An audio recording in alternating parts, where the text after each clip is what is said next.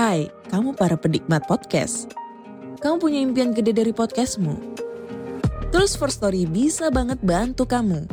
Mulai dari F-Link, Dynamic Audio Insertion, sampai statistik yang komprehensif. Semua ada di First Story. Gak ketinggalan kamu bisa monetisasi podcastmu lewat iklan dari First Story Ads yang bisa kasih kamu penghasilan dari setiap place podcastmu. Yuk gabung sekarang dengan klik di firststory.me. Sekali lagi, klik di firststory.me. Mari kita bawa mimpi podcastingmu menjadi kenyataan.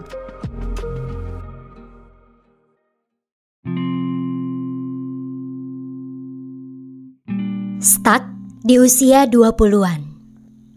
Hai, balik lagi di podcast kita Irae. Gimana nih kabarnya? Semoga sehat-sehat ya. Semoga lebih banyak happy-nya daripada sedihnya.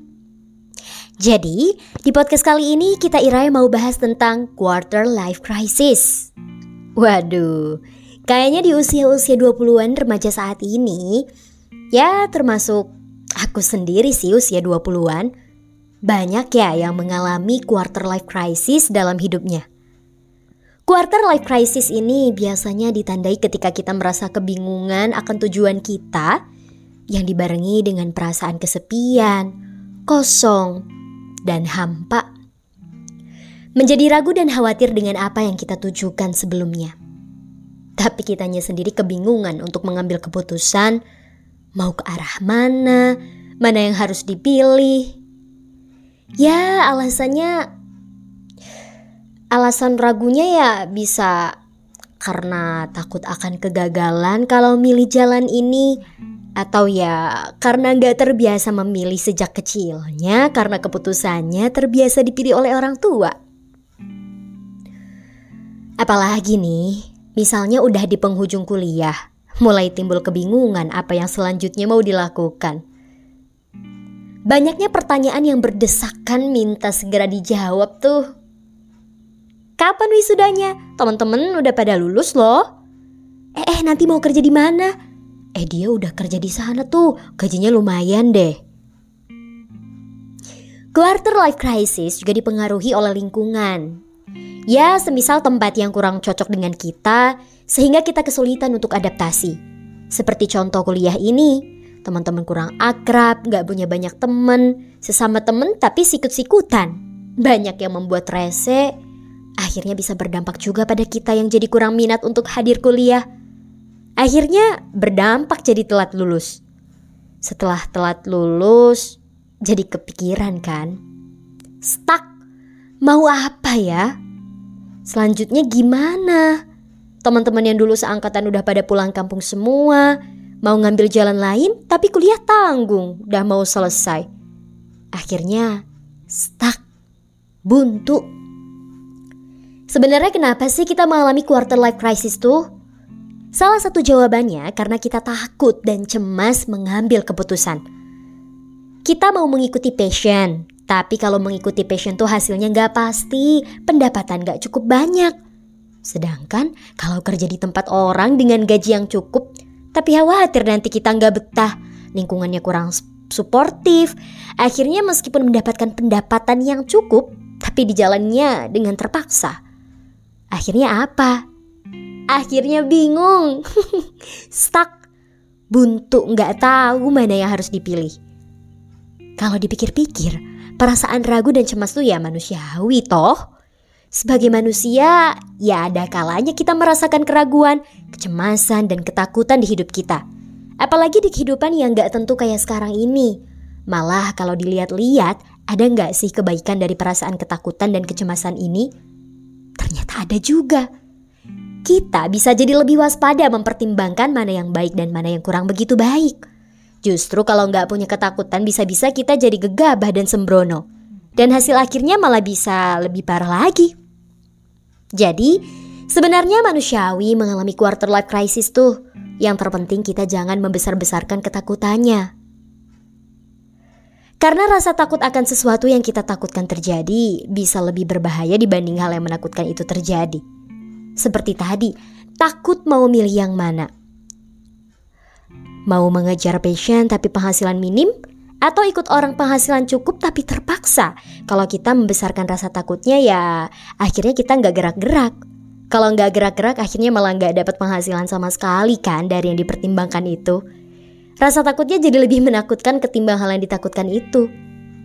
Jadi, kita perlu menyadari bahwa quarter life crisis tuh wajar aja terjadi bagi setiap orang dan jangan terlalu dibesarkan ketakutan, kecemasannya.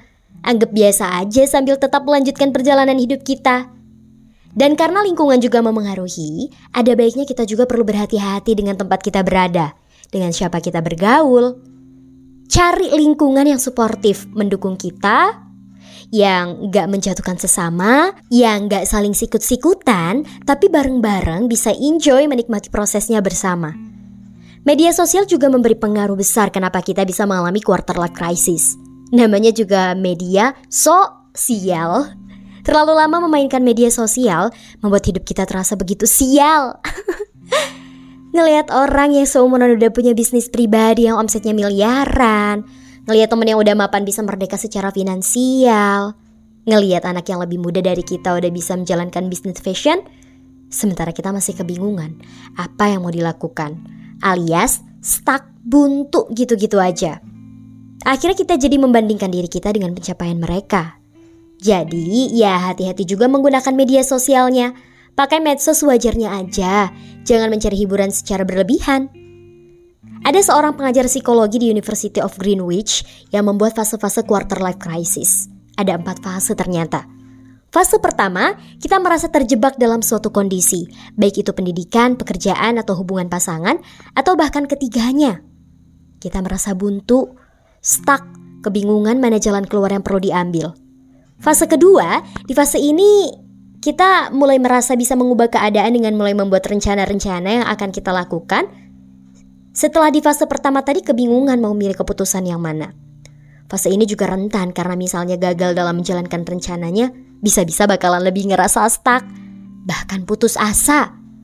Fase ketiga, yakni fase ini nih muncul keinginan menjalani kehidupan yang baru. Misalnya merasa hampa karena hubungan pasangan, akhirnya menikah.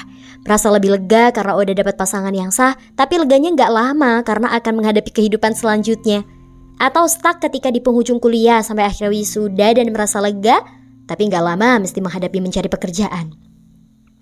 Fase keempat, fase ini adalah fase komitmen, mulai memutuskan untuk fokus mau memperjuangkan yang mana.